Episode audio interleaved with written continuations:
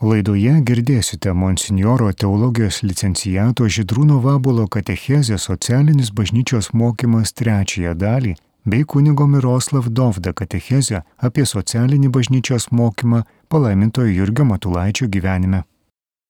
Tai ir pasako, kas iš tiesų yra subsidiarumas, tai reiškia, kad valstybė kaip tas tarsi pagrindinis, pagalbinis būrys, jinai turi padėti visuomeniai. Tik tada, kai visuomeniai neužtenka pajėgų pačiai susitvarkyti su problema, tiek, kiek jai neužtenka pajėgų su ta problema susitvarkyti. Ir tokiu būdu, kad neužgneuštų ir nepribotų pačios visuomenės iniciatyvos. Popiežius Pius XI šį principą įvardino pirmiausia neigiamą prasme. Galiu pacituoti jo žodžius iš jo enciklikos, kadangi neleistina atimti iš individų ir patikėti bendruomeniai tai, ką jie gali padaryti savo jėgomis ir įrankiais, lygiai taip neteisinga perduoti didesnį ar aukštesnį visuomeniai tai, kas gali būti padaryta mažesnių ar žemesnių Natūralus kiekvieno visuomenės įsikišimo tikslas yra padėti visuomeninio kūno nariams, juos paremiant, o ne juos sugriauti ar absorbuoti. Citatos pabaiga. Tai popiežius Pijus XI, kaip matom, įvardino šitą principą neigiamų būdų, todėl kad tada, kai jis popiežiavo, Europoje kilo įvairūs totalitariniai režimai. Rusijoje jau buvo atėjęs į valdžią komunizmas, e, Italijoje fašizmas, enciklikos parašymo laiku Vokietijoje nacionalsocializmas arba nacizmas dar nebuvo paėmęs valdžios, bet tai jau buvo stipri partija. Na va, o totalitarinės sistemos jos būtent ir elgesi ne pagal subsidiarumo principą, reiškia jos tiek rūpinasi visuomenė, kad visiškai užgneužia pačios visuomenės iniciatyvą ir neleidžia visuomeniai nei galvoti, nei ką nors daryti, bet ir galvoja ir viską padaro už ją. O jeigu kas nors bando parodyti savo iniciatyvą, tai e, ta iniciatyva yra užgneužiama ir jėga. Tai dėl to popiežius įspėja, kad tokia politika, toks elgesys nėra geras ir skelbia šitą principą. Kokios yra pasiekmes, kai būtent valstybė taip elgesi su visuomenė arba visuomenė plačiaja prasme taip elgesi su savo dalimis arba pavieniais asmenimis. Tai tą įvardina Jonas Paulius II, Centezimus Sanus 48 numeryje, tiesiogiai kišantis ir atleidžiant visuomenę nuo atsakomybės, globos valstybės žmonės tampa vangus, o pernelyg išpūstose viešosiuose struktūrose kurioms išlaikyti reikia didelių išlaidų, dominuoja biurokratinė logika, o ne rūpinimasis žmonėmis. Tai tai, ką popiežius pažymė, kad pirmiausia visuomenė aptinksta. Na taip kaip ir žmonės pripranta prie patogumų ir aptinksta, neberodo iniciatyvos, taip ir visuomenė aptinksta tada, kai viską garantuoti imasi valstybė. Ir šito principo iš tiesų galima nesilaikyti keliais būdais. Tai jo valstybė gali nesilaikyti, matydama, kad visuomenė turi kažkokį poreikį, bet visai nesuteikdama pagalbos, arba suteikdama pagalbą netinkamu būdu, ir pripratindama visuomenę arba paskirus jos narius, na tiesiog parazituoti ir patiems nieko neveikti, bet visada visko reikalauti iš valdžios arba skūstis, kad valdžia vėl kažko nesutvarkė. Žinoma, šito principo nesilaikyti galima ir tada, jeigu visuomenės iniciatyva yra dirbtinai ir jėga užgniaužiama. Jeigu visiškai imant būtinį pavyzdį, kuris kartais e, neblogai paaiškina šito principo veikimą, tai Na jeigu, sakykime, sūnus ateina pas e, savo tėtį ir sako, kad aš nesuprantu matematikos uždavinio, tai tėtis gali sakyti, aš neturiu laiko, galvok pats ir taip nesuteikti pagalbos, tai būtų subsidiarumo principo pažeidimas.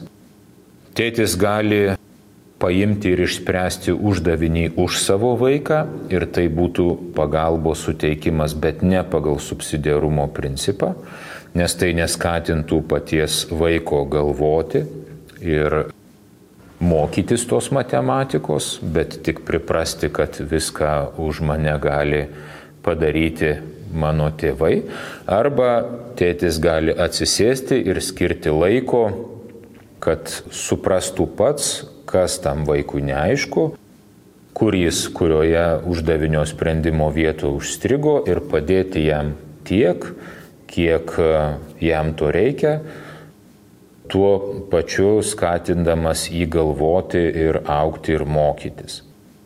Tai matyt, panašus principas yra ir valstybės elgesyje su visuomenė, Ir šitas principas įgyvendinamas įvairiais ir praktiškais būdais, na pavyzdžiui, kad valstybė nesima, tarkim, organizuoti visų socialinės pagalbos formų arba, tarkim, visų švietimo formų. Jis, žinoma, garantuoja visuomeniai švietimą, tarkim, per savo švietimo sistemą, bet taip pat ir priima kad gali būti kuriamos privačios mokyklos, kurios irgi gauna finansavimą iš to paties valstybės biudžeto ir, žodžiu, kai kur gali būtent visuomenės iniciatyva patenkinti tą poreikį švietimo, kuris e, konkrečiai visuomenės grupiai, tarkim, tam tikrų pažiūrų grupiai yra svarbus. Tai tokiu būdu gali egzistuoti Ne visose žinoma valstybėse ir ne visada, tarkim, kad ir katalikiškos mokyklos ir tai patenkina poreikį tų tėvų, kurie nori, kad jų vaikai būtų auklėjami katalikiškai. Taip pat šitas principas, pavyzdžiui, veikia per įvairią projektinę veiklą, kai tarkim pastebėjusi naują socialinę problemą, valstybė ne pati kuria savo išpūstas biurokratinės struktūras, kurios yra ne tik išpūstos, bet dažnai ir labai lėtos, bet pasiūlo visuomeniai štai imkitės rūpintis kažkokią socialinę atskirtį patiriančiai žmonėmis, o valstybė iš savo biudžeto remia tokią veiklą, na, tarkim, pinigais arba taip pat ir žiniomis, pavyzdžiui, patirtimi, informacija, ištekliais ten materialiai suteikdama patalpų ir panašus dalykai. Dar vienas socialinio bažnyčios mokymo principas yra dalyvavimas.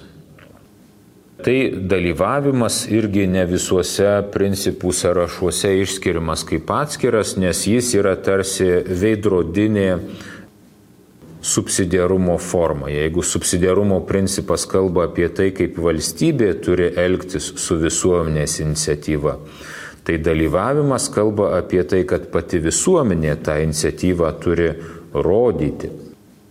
Socialinio bažnyčios mokymo kompendiumas teigia, kad dalyvavimas yra pareiga, kurią visi turi sąmoningai ir atsakingai vykdydami, siekdami bendrojo gėrio. O popiežiaus Pauliaus VI dokumentas Oktogezima Advenians sako, kad siekis dalyvauti yra viena iš žmogaus laisvės ir orumo išraiškų. Tai apie dalyvavimą kalba Antrojo Vatikano susirinkimo konstitucija Gaudium et Spes 75 numeryje, sakydama, kad pavietiniai piliečiai ir jų grupės Ten nesuteikia viešai valdžiai pernelik daug galios ir nederamai ten nereikalauja iš jų pernelik didelių patogumų bei naudos, kad šitaip nesumažintų pavieniams asmenims, šeimoms ir visuomeninėms grupėms tenkančios atsakomybės naštos.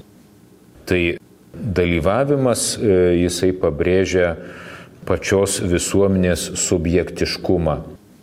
Kaip mes kalbėjome prie žmogaus asmens principo, kad žmogus yra subjektas, kurio negalima tik tai išoriškai aprūpinti ir galvoti, kad be jo pastangų ir sutikimo garantuosi jam laimę. Taip ir visuomenė yra subjektas, reiškia, tai yra laisvų žmonių sambūris, kuri pati kūrė savo gyvenimą ir sprendžia iškylančias problemas arba pasitinka iššūkius. Tam, kad e, tai vyktų visuomenėje, bažnyčios socialinėme mokyme įvardinama tokia tikrovė kaip tarpiniai kūnai reiškia įvairūs visuomeniniai dariniai, įvairiausio pobūdžio kultūrinio, sportinio, politinio, religinio arba panašus, per kuriuos žmonės aktyviai dalyvauja visuomenės gyvenime. Ir e, problemas kelia bei siūlo sprendimus ir ieško, kad tie sprendimai atitiktų ir kreiptų į bendrą į gėrį. Na ir paskutinis principas, kurį socialinis bažnyčios mokymas įvardina, yra solidarumas. Tai vėlgi principas ateinantis iš lotyniško termino, naudoto jau Romos imperijos laikais. Terminas solidum reiškia vientisas arba tvirtas, o Romos teisėje egzistavusi solidarumo pareiga reiškia atsakomybę ne tik už savo dalį, bet ir už visumą. Tai reiškia, kad visuomenė buvo būtent suprantama kaip tam tikras organizmas, kurio nariai arba dalys e, vieni kitais turi rūpintis. Šitas principas apibrėžiamas per kitą bendrojo gėrio principą. Jonas Paulius II enciklikoje Solicitudo Rei Socialis taip jį vardina. Teisingas atsakas į tarpusavio priklausomumą, kaip moralinė ir visuomeninė pažiūra, kaip darybė yra solidarumas. Taigi toks solidarumas nėra jausmas miglotos užuojautos ar paviršutiniško graudulio dėl blogio, kurį patyrė tokia daugybė asmenų. Priešingai tai tvirtas ir atkaklus nusistatymas dirbti dėl bendrojo gėrio. Tai yra dėl visų ir kiekvieno gerovės, nes visi mes iš tiesų esame atsakingi už visus. Tai popiežius pirmiausia kalba apie tarpusavio priklausomumą, apie tą suvokimą, kad žmogus reikalingas kitam žmogui ir materialia prasme visi suprantam, kad nei vienas iš mūsų nepasigaminam visų mums būtinų materialinių gerybių, kad išgyventume. Turim tų gerybių įsigyti iš kitų, kurie jas pagamina, o mes savo ruoštų pagaminame arba suteikiame kažką, kas reikalinga kitiems. Tai yra toks visiškai fizinis tarpusavio priklausomumas, bet tarpusavio priklausomumas atpažįstamas ir toje santykio būtinybėje, žmogaus esminėme santykiškume, apie kurį kalbėjome prie žmogaus asmens principų kad žmogus yra jis iš esmės santykiškas ir jam būtinas kitas žmogus, kad jis galėtų savo asmenybę išskleisti ir savo tikslą pasiekti. Tai štai atpažinus šį neišvengiamą tarpusavio priklausomumą arba jau visai paprastai išnekant ir vaizdžiai, kad visi sėdime vienoje valtyje, tada teisingas šito tarpusavio priklausomumo įgyvendinimas arba teisinga reakcija į jį yra solidarumas. Šis principas egzistuoja nuo pat socialinio bažnyčios mokymo pradžios ir taikomas tiek nacionaliniam lygmeniui reiškia valstybės mastu, bet taip pat ir tarptautiniam lygmeniui pasaulio mastu. Vėl galim pacituoti Joną Paulių II. Taigi principas, kurį šiandien vadiname solidarumo principu ir kurį šiandien vadiname solidarumo principu, yra vienas iš pagrindinių krikščioniškųjų visuomenių ir politinių organizacijų principų. Šį principą nekartą minėjo jau Leonas XIII, vadindamas jį panašiai kaip ir graikų filosofijoje bičiuliškumu. Pijus XI čia vartoja nemažiau taiklų apibrėžimą visuomeninė meilė, o Paulius VI, įjungdamas į šią savoką įvairias dabartinės socialinės problemas, kalba apie meilės civilizaciją. Tai e, solidarumas mums primena, kad mes turime prisidėti prie bendrojo gėrio, apie kurį jau kalbėta, ir kad kurti tą bendrąjį gėrį taip pat yra ir mūsų atsakomybė. Ir tą turime daryti ne tik dėl to, kad paskui patys tuo bendru gėriu, na, tarsi galim naudotis, bet ir dėl to, kad tai yra tiesiog mūsų pareiga. Mes taip pat esam atsakingi už visą visuomenę ir už kitus visuomenės narius, o ne tik tai už savo dalį ir už savo gerovę. Girdėjote monsinjoro teologijos licencijato Žydrūno Vabulo katechezės socialinės bažnyčios mokymas trečiąją dalį.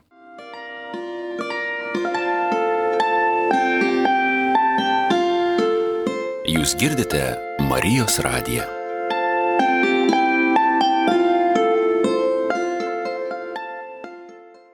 Laidoje girdėsite kunigo teologijos daktaro Miroslavo Daudo katechezę.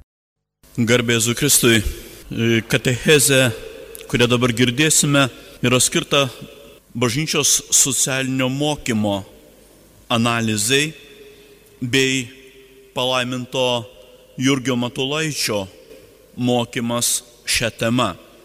Tad dviejų dalių pirmiausia, leiskit trumpai pažvelgti į tai, kas yra socialinis mokymas bažnyčioje, kaip jis vystosi, kokia yra oficialioji doktrina ir kaip mes matome šioje srity Lietuvoje socialinį mokymą skelbia palamintasis Jurgis Matulaitis. Pirmiausia, turime suvokti, jog katalikiško socialinio mokymo šaltinis yra Dievo prieiškimas o ne kažkokie nors moksliniai tyrinėjimai. Labai svarbus dalykas suvokti, kad socialinio teisingumo mokymas atsiranda jau iš Dievo prieškimo šventajame rašte, kuris yra šaltinis viso to, kas toliau yra kūriama. Bažnyčios e, kanonų teisė pasisako socialinių klausimų vienam kanone 1286 kalbant apie įdarbinimą ir atlyginimą, ką vėliau matysime plačiau, dar anksčiau negu tai buvo kanonė paminėta, aprašo skirtingi popiežiai.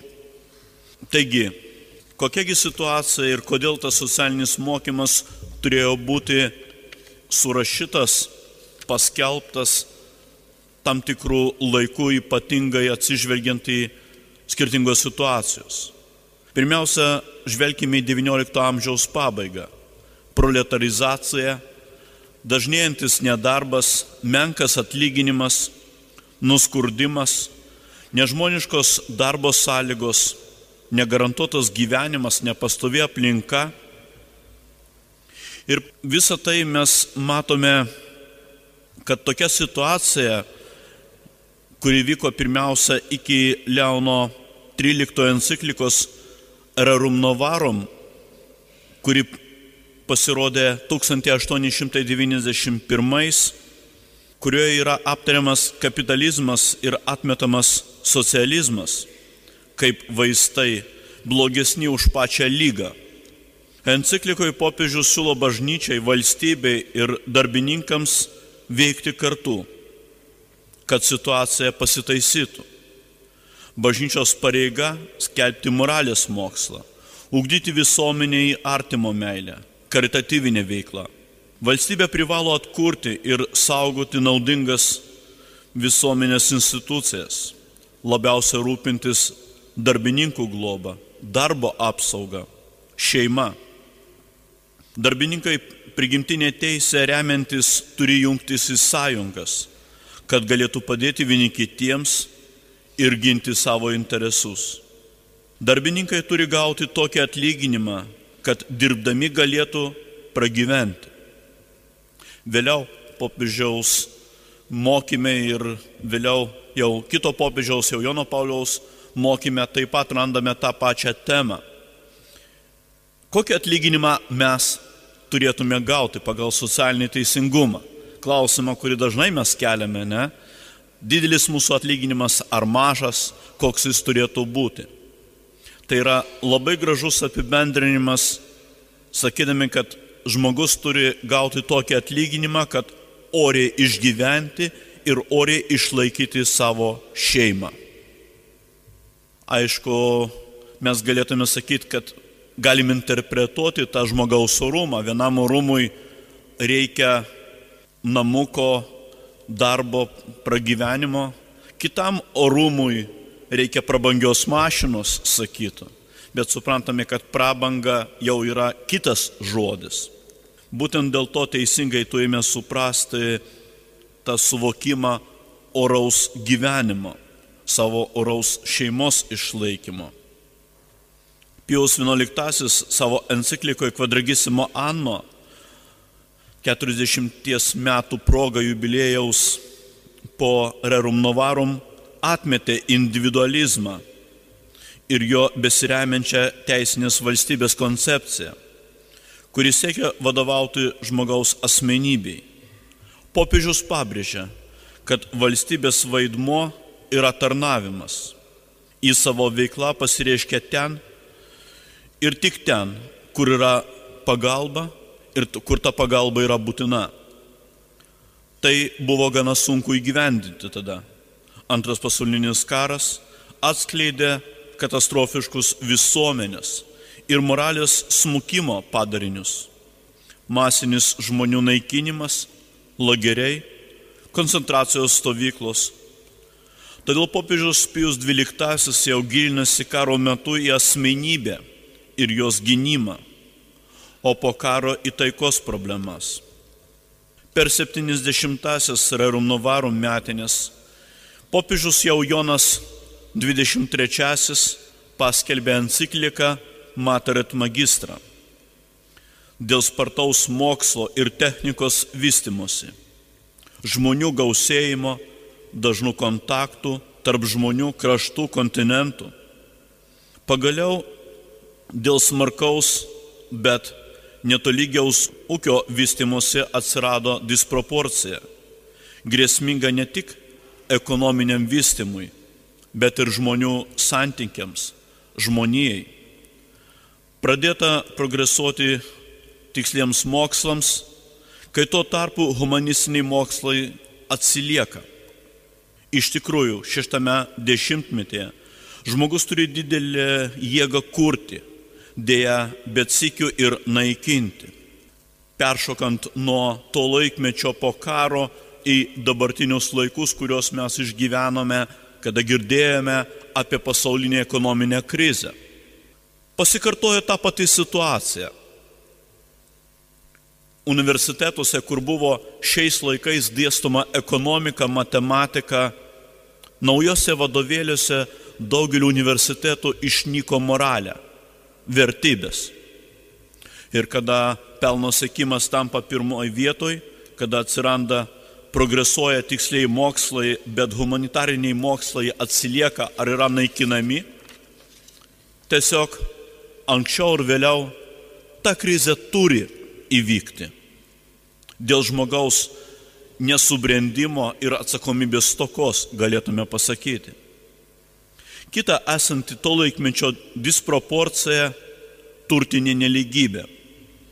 labiausiai buvo būdinga miestams.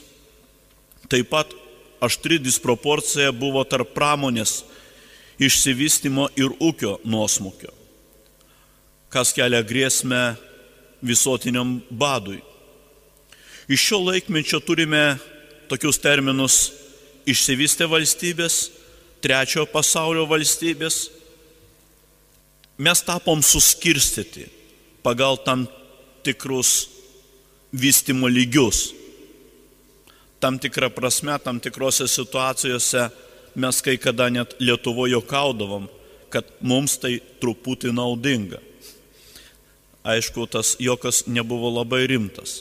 Jokavdavom dėl to, kada mes veždavom vaikus į pasaulio jaunimo dienas, vykstant į kokį renginį, Lietuva, Latvija, Estija, Baltarusija, kaiminės šalės buvo priskirtos prie tų trečių šalių pagal mokesčių tarifą, kiek mes turim mokėti už atvykimą. Ne taip kaip vakarų išvystytos šalis. Taigi mums kelionės buvo truputį pigiau dėl to, kad mes atsiliekam savo vystime. Tokia buvo reali tiesa. Taigi Paulius 1967 metais parašo encikliką Populiorum Progresio. Išsivyščiusiuose šalise skurdo riba menka, tačiau vargingose kraštuose skurdas visuotinis, išskyrus valdančiuosius. Popiežius mano, kad padėti stokojantiems valstybėms yra išsivyščiusių valstybių, valstybių moralinė pareiga ir politinė būtinybė. Popiežius akcentuoja, kad išsivystimas yra naujos taikos vardas ir vienų atsilikimas yra grėsmė kitų taikai. Siūloma padėti dviejopai. Pirmuo atveju betarpiškai ir nesavanaudiška pagalba, antruo atveju išplėstinė ilgametė pagalba, tai kultūrinė, techninė infrastruktūros kūrimas. Paulius VI taip pat siūlė visoms valstybėms įkurti piniginį fondą stokojančioms valstybėms į kurį kasmet būtų įnešamas vienas procentas iš valstybės biudžeto. Šis pasiūlymas buvo palankiai priimtas, tačiau taip ir nebuvo dėja įgyvendintas. 90-ųjų Rerum Novarum paskelbimo metinių proga jau popiežius Jonas Paulius II parašo encikliką Laborum Exercens. Jos idėja ta, kad darbė žmogus turi jausti savo vidinę laisvę. Anot popiežiaus, darbas, žmogaus pašaukimas, į kurį Dievas pašaukė ne tik bendradarbiauti, bet ir tobulintis. Iš tiesų darbas reikalauja aukos, kuri jungia mus su išganomoje Kristaus auka. Todėl darbas pats savie nepriklausomai nuo ekonominio efekto yra geris. Ši Jono Paulius antrojo mintis yra prieštara Karlui Marksui, kad darbas tai prakeikimas ir žmonių susvetimėjimo priežastis. Popiežius netmeta grėsmės, kuri kyla dėl darbo garbingumo nebuvimo. Taip pat kritikuojami anoniminio darbdavio ir darbininko santykiai. Taigi žmogus turi iš naujo atrasti ir suprasti darbo prasme, kol pasieks vidinį išlaisvinimą, o ryšum su to ir socialinį išlaisvinimą. Esminis sunkumas yra tas, kad žmogus nori pakeisti pasaulį ir daro tai, nesugebėdamas pakeisti savęs, nepajėgdamas tobulinti savo darbo ir jo padedamas savęs Solicitudo rei socialis tai dar vienas dokumentas, dar viena enciklika to pačio popiežiaus Jono Pauliaus antrojo, skirta 20 metų progui populiarum progresio. Popiežius atlieka 20 metų balansą. Tai, kas teigiama ir tai, kas neigiama. Teigiama tai, kad suvokiama žmogaus vertė ir yra nemaža kova už asmens teisės. Neigiama yra tai, kad skirtumas tarp šiaurės ir pietų kontinentų, didėjantis nedarbas, įsiskolinimai, politinė įtampa tarp rytų ir vakarų, ginklų priekyba, terorizmas, giminių politika dėl politinių sumetimų. Taigi enciklika ne tik įspėja, bet ir kviečia suvokti žmogaus vystimosi problemą, nes tai ir taikos, ir žmonijos išlaikyti klausimas. Svarbiausia yra vertybių sureguliavimas. Būti žmogumi, negu turėti. Nes tai sudaro besočio žmogaus būklę ir stiprina išnaudojimo ir prievartos mechanizmų funkcionavimą. O tai ir yra pagrindinė dabartinio socialinio mokymo, dabartinės socialinės politikos nuodėme.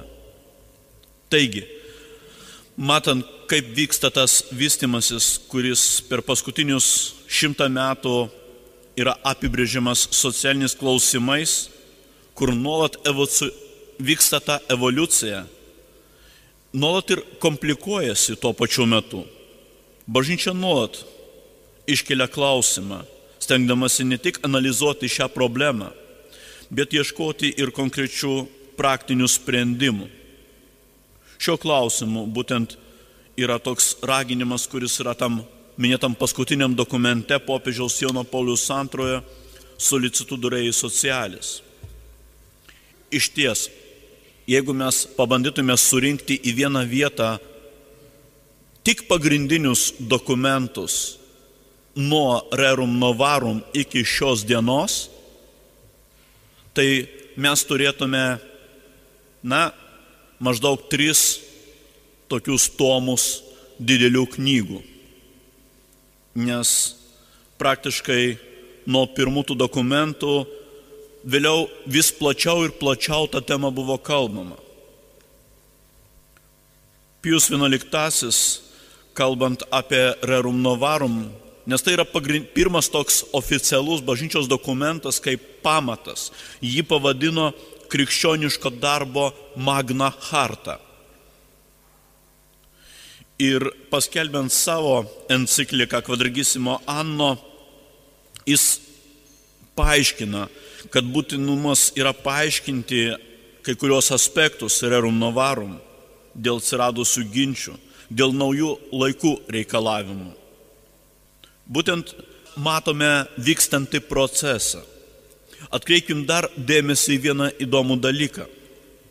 Pirmos tos enciklikos pirmi mokymai labiausia buvo skirti viskupams ir kunigams. Ir tik tai Mater et Magistra yra enciklika, kuriai būtent mes matome skirta ne tik viskupams, bet ir aplamai geros valios žmonėms. O enciklika Pacem Interis taip ir įvardinta vėliau skirta ne tik viskupams ir katalikams, tačiau ir visiems geros valios žmonėms. Tai yra net ne katalikams, visiems geros valios žmonėms. Taigi, jeigu pradžioje socialiniam mokymė popiežiai labiausia kreipėsi į viskupus kunigus, po to į visus krikščionius, tai jau nuo pacam interis jau kreipėsi į visus geros valios žmonės.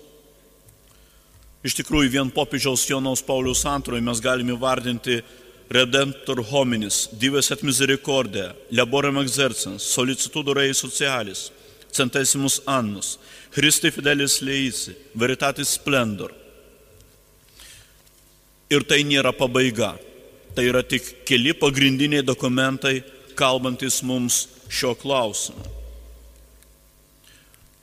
popiežius Benediktas XVI ir dabartinis popiežius Pranciškus taip pat yra aktualūs šių temų skelbėjai. Galbūt ne bažnyčios oficialių dokumentų labiausia, bet katechezių, laiškų, motų proprio kreipimuose. Mes randame jų taip pat kad ši tema yra labai aktuali. žvelgiant į dabartinę šių dienų situaciją popiežiaus Pranciškaus, mes matome, kad ir jo vizituose aiškiai matosi, kaip jam rūpi socialinis teisingumas. Net ir būsimam vizite į Lietuvą, jo lankymas kalėjimo, kaip jisai išeina į žmonės, kaip jisai eina pas vargšus, jo katechezėse, jo pamoksluose, kuriuos galim rasti internete, nuolat ši tema jam yra labai aktuali. Taigi, bažnyčios oficialusis mokymas visada žiūri į žmogaus orumą, į žmogaus teisę, į žmogaus asmenybę. Kas buvo pasakyta, kad būti, o neturėti. Susimastykime, ką reiškia būti žmogumi ką reiškia savo tą orumą išsaugoti ir kaip tai turime padaryti šiandien mes. Taigi, pažvelgus socialinį mokymą, tą aspektą bažnyčios oficialaus mokymo, mes galim sakyti, kad tas pats dalykas yra aktualus mūsų kraštui. Ir palamintasis Jurgis Matulaitis yra vienas žymiausių katalikų bažnyčios socialinio mokymo skleidėjų XIX amžiuje. Centrinėje Europoje, Rytų Europoje. Lietuvoje galbūt vienintelis tuo metu ryškus šios idėjos skelbėjas. Jis apžvelgė Leono paraginimą ir veikia pagal bažnyčios socialinio mokymo principus. Jo socialinės veiklos principas padeda mums suvokti tą kontekstą Lietuvos ekonomikos kontekste. Taigi, Pirmiausia, Jurgis Matulaitis savo gyvenimo laikotarpiu susiduria su ypač nepalanki situacija. Rusifikacijos, polonizacijos kraštui grėsia nutautėti, prarasti tapatybę. Skirtingai nei kitose šalise pas mus nėra sunkios pramonės tuo metu. Beveik visas kapitalas priklauso kitų tautų atstovams. Taigi panaši situacija yra ir priekyboj tuo metu ir dėl liberalizavimo ir socializavimo palmintasis Jurgis Matulaitis savo bažnyčios socialiniam mokyme bando supažindinti visuomenę su socialiniu teisingumu. Dar vienas svarbus to meto veiksnys, kuris jam trukdo tai padaryti, tai antireliginės srovės. Didžiausia įtaka turi gal inteligentija susijusi su universitetais ir su kitų tautų atstovais. Situacija nebijotinai sunkina dar ir visuomenės konservatyvumas. Parlamentasis Urgis Matulaitis susiduria su ta problema, kad jis pirmiausia nėra palaikomas inteligentijos net ir dvasininkų ką mes atrandame, kad jo bandymas e, popiežiaus dokumentų, popiežiaus mokymo medžiagą perteikti visuomeniai, ją įgyvendinti, kad tas socialinis teisingumas mūsų krašte visgi įvyktų, jis susiduria su tais, kurie bando jam kliudyti. Socialinis problemas Matulaitis traktavo kaip persmekiančias visuomenę iki pat dugno. Leono 13 Pijaus 11 laikmetis tai yra epocha, kada katalikų bažnyčia išsakė poziciją dėl industrijos ir su ją susijusių esminių pokyčių visuomeniai. Palaiminto Jurgio Matulaičio mokymas tuo metu rytų Europoje vienas geriausiai išmanančių visų pirma šią temą klausimus. Jis skatino kitus šias sritimi domėtis bei joje veikti. Jeigu mes ir nerandame labai daug parašytų knygų, kažkokių medžiagų, rašytinių šaltinių, tai iš atskirų raštų, iš pamokslų, iš veiklos mes surinkame labai daug medžiagos apie palaiminto Jurgio Matulaičio aktyvumą šioje srity.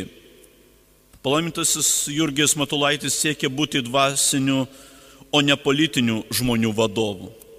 Nekarta bandė jį pritraukti vieni ar kiti, kad jis užimtų kažkokią poziciją ar kairiųjų, ar dešiniųjų, bet jis visų pirma liko dvasininku ir jam dvasinis gyvenimas, socialinis teisingumas labiausia buvo aktualus klausimas savo silovadai.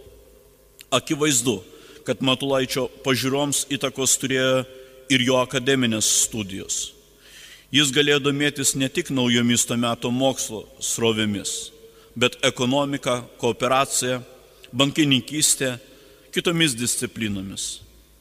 Vienas svarbiausių Matulaičio teksto apie bažnyčios socialinį mokymą yra straipsnis trumpas išaiškinimas šiudienių socialinio klausimo. Jis buvo atspausintas 1909 metais žurnale Draugija. Matulaitis kreipėsi į skaitytoją primindamas esminį visuomeniškumo pobūdį, draugijos bruožą, kaip veiksminga priemonė socialiniams priemonėms spręsti. Cituoju, šių dienų socialinis sujudimas siekia giliau, iki pat dugnų visuomenės sąstatos. Jis nori dabartinę draugiją visiškai pertaisyti, atmainyti, sutverti visiškai naują gyvenimą. Taigi, Palaimintasis Jurgis Matulaitis teigia, kad kiekvienas pilietis turi suvokti, kas yra socialinis klausimas ir atitinkamai veikti, siekdamas juos išspręsti. Nes arkiviskopo teigimu, sprendžiant socialinius klausimus, gydomos visuomenės lygos. O darbininkų klausimas yra opių opiausias, pasireiškiantis lyga, edančia dabartinių draugijų kūną todėl negali būti siaurai suprantamas ir svarstomas. Jurgiui Matulaičiui labiausiai rūpėjo darbininkų teisiškumas ir nepriklausomumo stoka, nes jie kilus pavojui buvo linkę pasiduoti socialistų įtakai, o ne pasikliauti savo jėgomis. Jis glaustai aptarė amatininkų, smulkiųjų bei vidutinių pirklių padėtį jis sako, neužtenkintai pamokytas, neturis atsakančių darbo įrankių, ne visur gali susilyginti su didžioju pramonininku. Negali dažnai net taip gerai, kaip pigiai, net taip gerai atlikti savo darbo. Tai nėra pajėgus konkuruoti su stambiais kapitalistais. Kalbėdamas apie ūkininkus, Jurgis Matulaitis pabrėžia sunkia padėtį žmonių, kurie turi mažai žemės, neturinčių iš ko prasimaitinti, išlaikyti savo šeimą, surinkti tiek derliaus, kad pragyventi.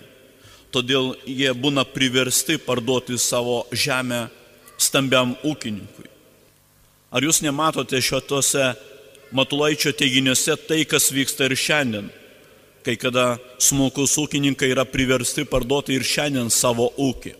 ir stambus kapitalas užvaldo. Taigi ta situacija iš tikrųjų nesikeičia ir mokymas, kuris yra palaiminto Jurgio Matulaičio, jis yra aktualus ir šiandien. Jurgis Matulaitis buvo gerai teoriškai pasirengęs, pasižymėjo plačiomis pažiūrėmis, visada domėjusi visuomenės gyvenimo aktualiomis, skatino užsimti tą švečiamąją ir socialinę veiklą. Būtent todėl galėtum sakyti, apibendrinant, kad mums šiandien yra užduotis ir pareiga pažinti krikščionim socialinį mokymą ir ieškoti būdo, kaip mūsų laikais šiandien mes galim tai įgyvendinti. Parlamentasis Jurgis Matulaitis buvo įsitikinęs, kad visuomenės problemas turi spręsti visuomenė, bažnyčia ir valstybę. Todėl pabrėžė jų bendradarbiavimą. Šio sakiniu ir noriu pabaigti, bet pakartosiu tą sakinį dar kartą. Visuomenės problemas turi spręsti visuomenė, bažnyčia ir valstybė. Todėl reikalingas jų bendradarbiavimas. Negali būti, kad kažkas kitas už mane turi tai padaryti. Pradėkim nuo mažų dalykų socialinio teisingumo savo gyvenamoje vietoje, savo parapijoje. Kuri parapija gali pasižymėti, kad turi aktyvę parapijos tarybą, kuri veikia, kuri tuos klausimus savo parapijai bando spręsti. Tikriausia, ne visada esame aktyvus. Neturim tokių tarybų dažniausia. Taryba yra reikalinga galbūt parodyti viskupui, kad yra per jo vizitaciją. Bet realiai mes turim jungtis, mes turim suprasti aš, o ne kitas. O ne kai dažnai tenka girdėti, ai tegul kitas įmas iniciatyvos, aš palauksiu, na ir pasinaudosiu. Ne, visuomenė, bažnyčia ir valstybė. Tik bendradarbiaujant galim tą teisingumą įkurti. Ačiū. Girdėjote kunigo teologijos daktaro Miroslav Dauda katechezę. Įrašas iš Marijampolės Šventojo Arkangelo Mykolo bazilikos, kur vyksta palaimintojo Jurgio Matolaičio atlaidai.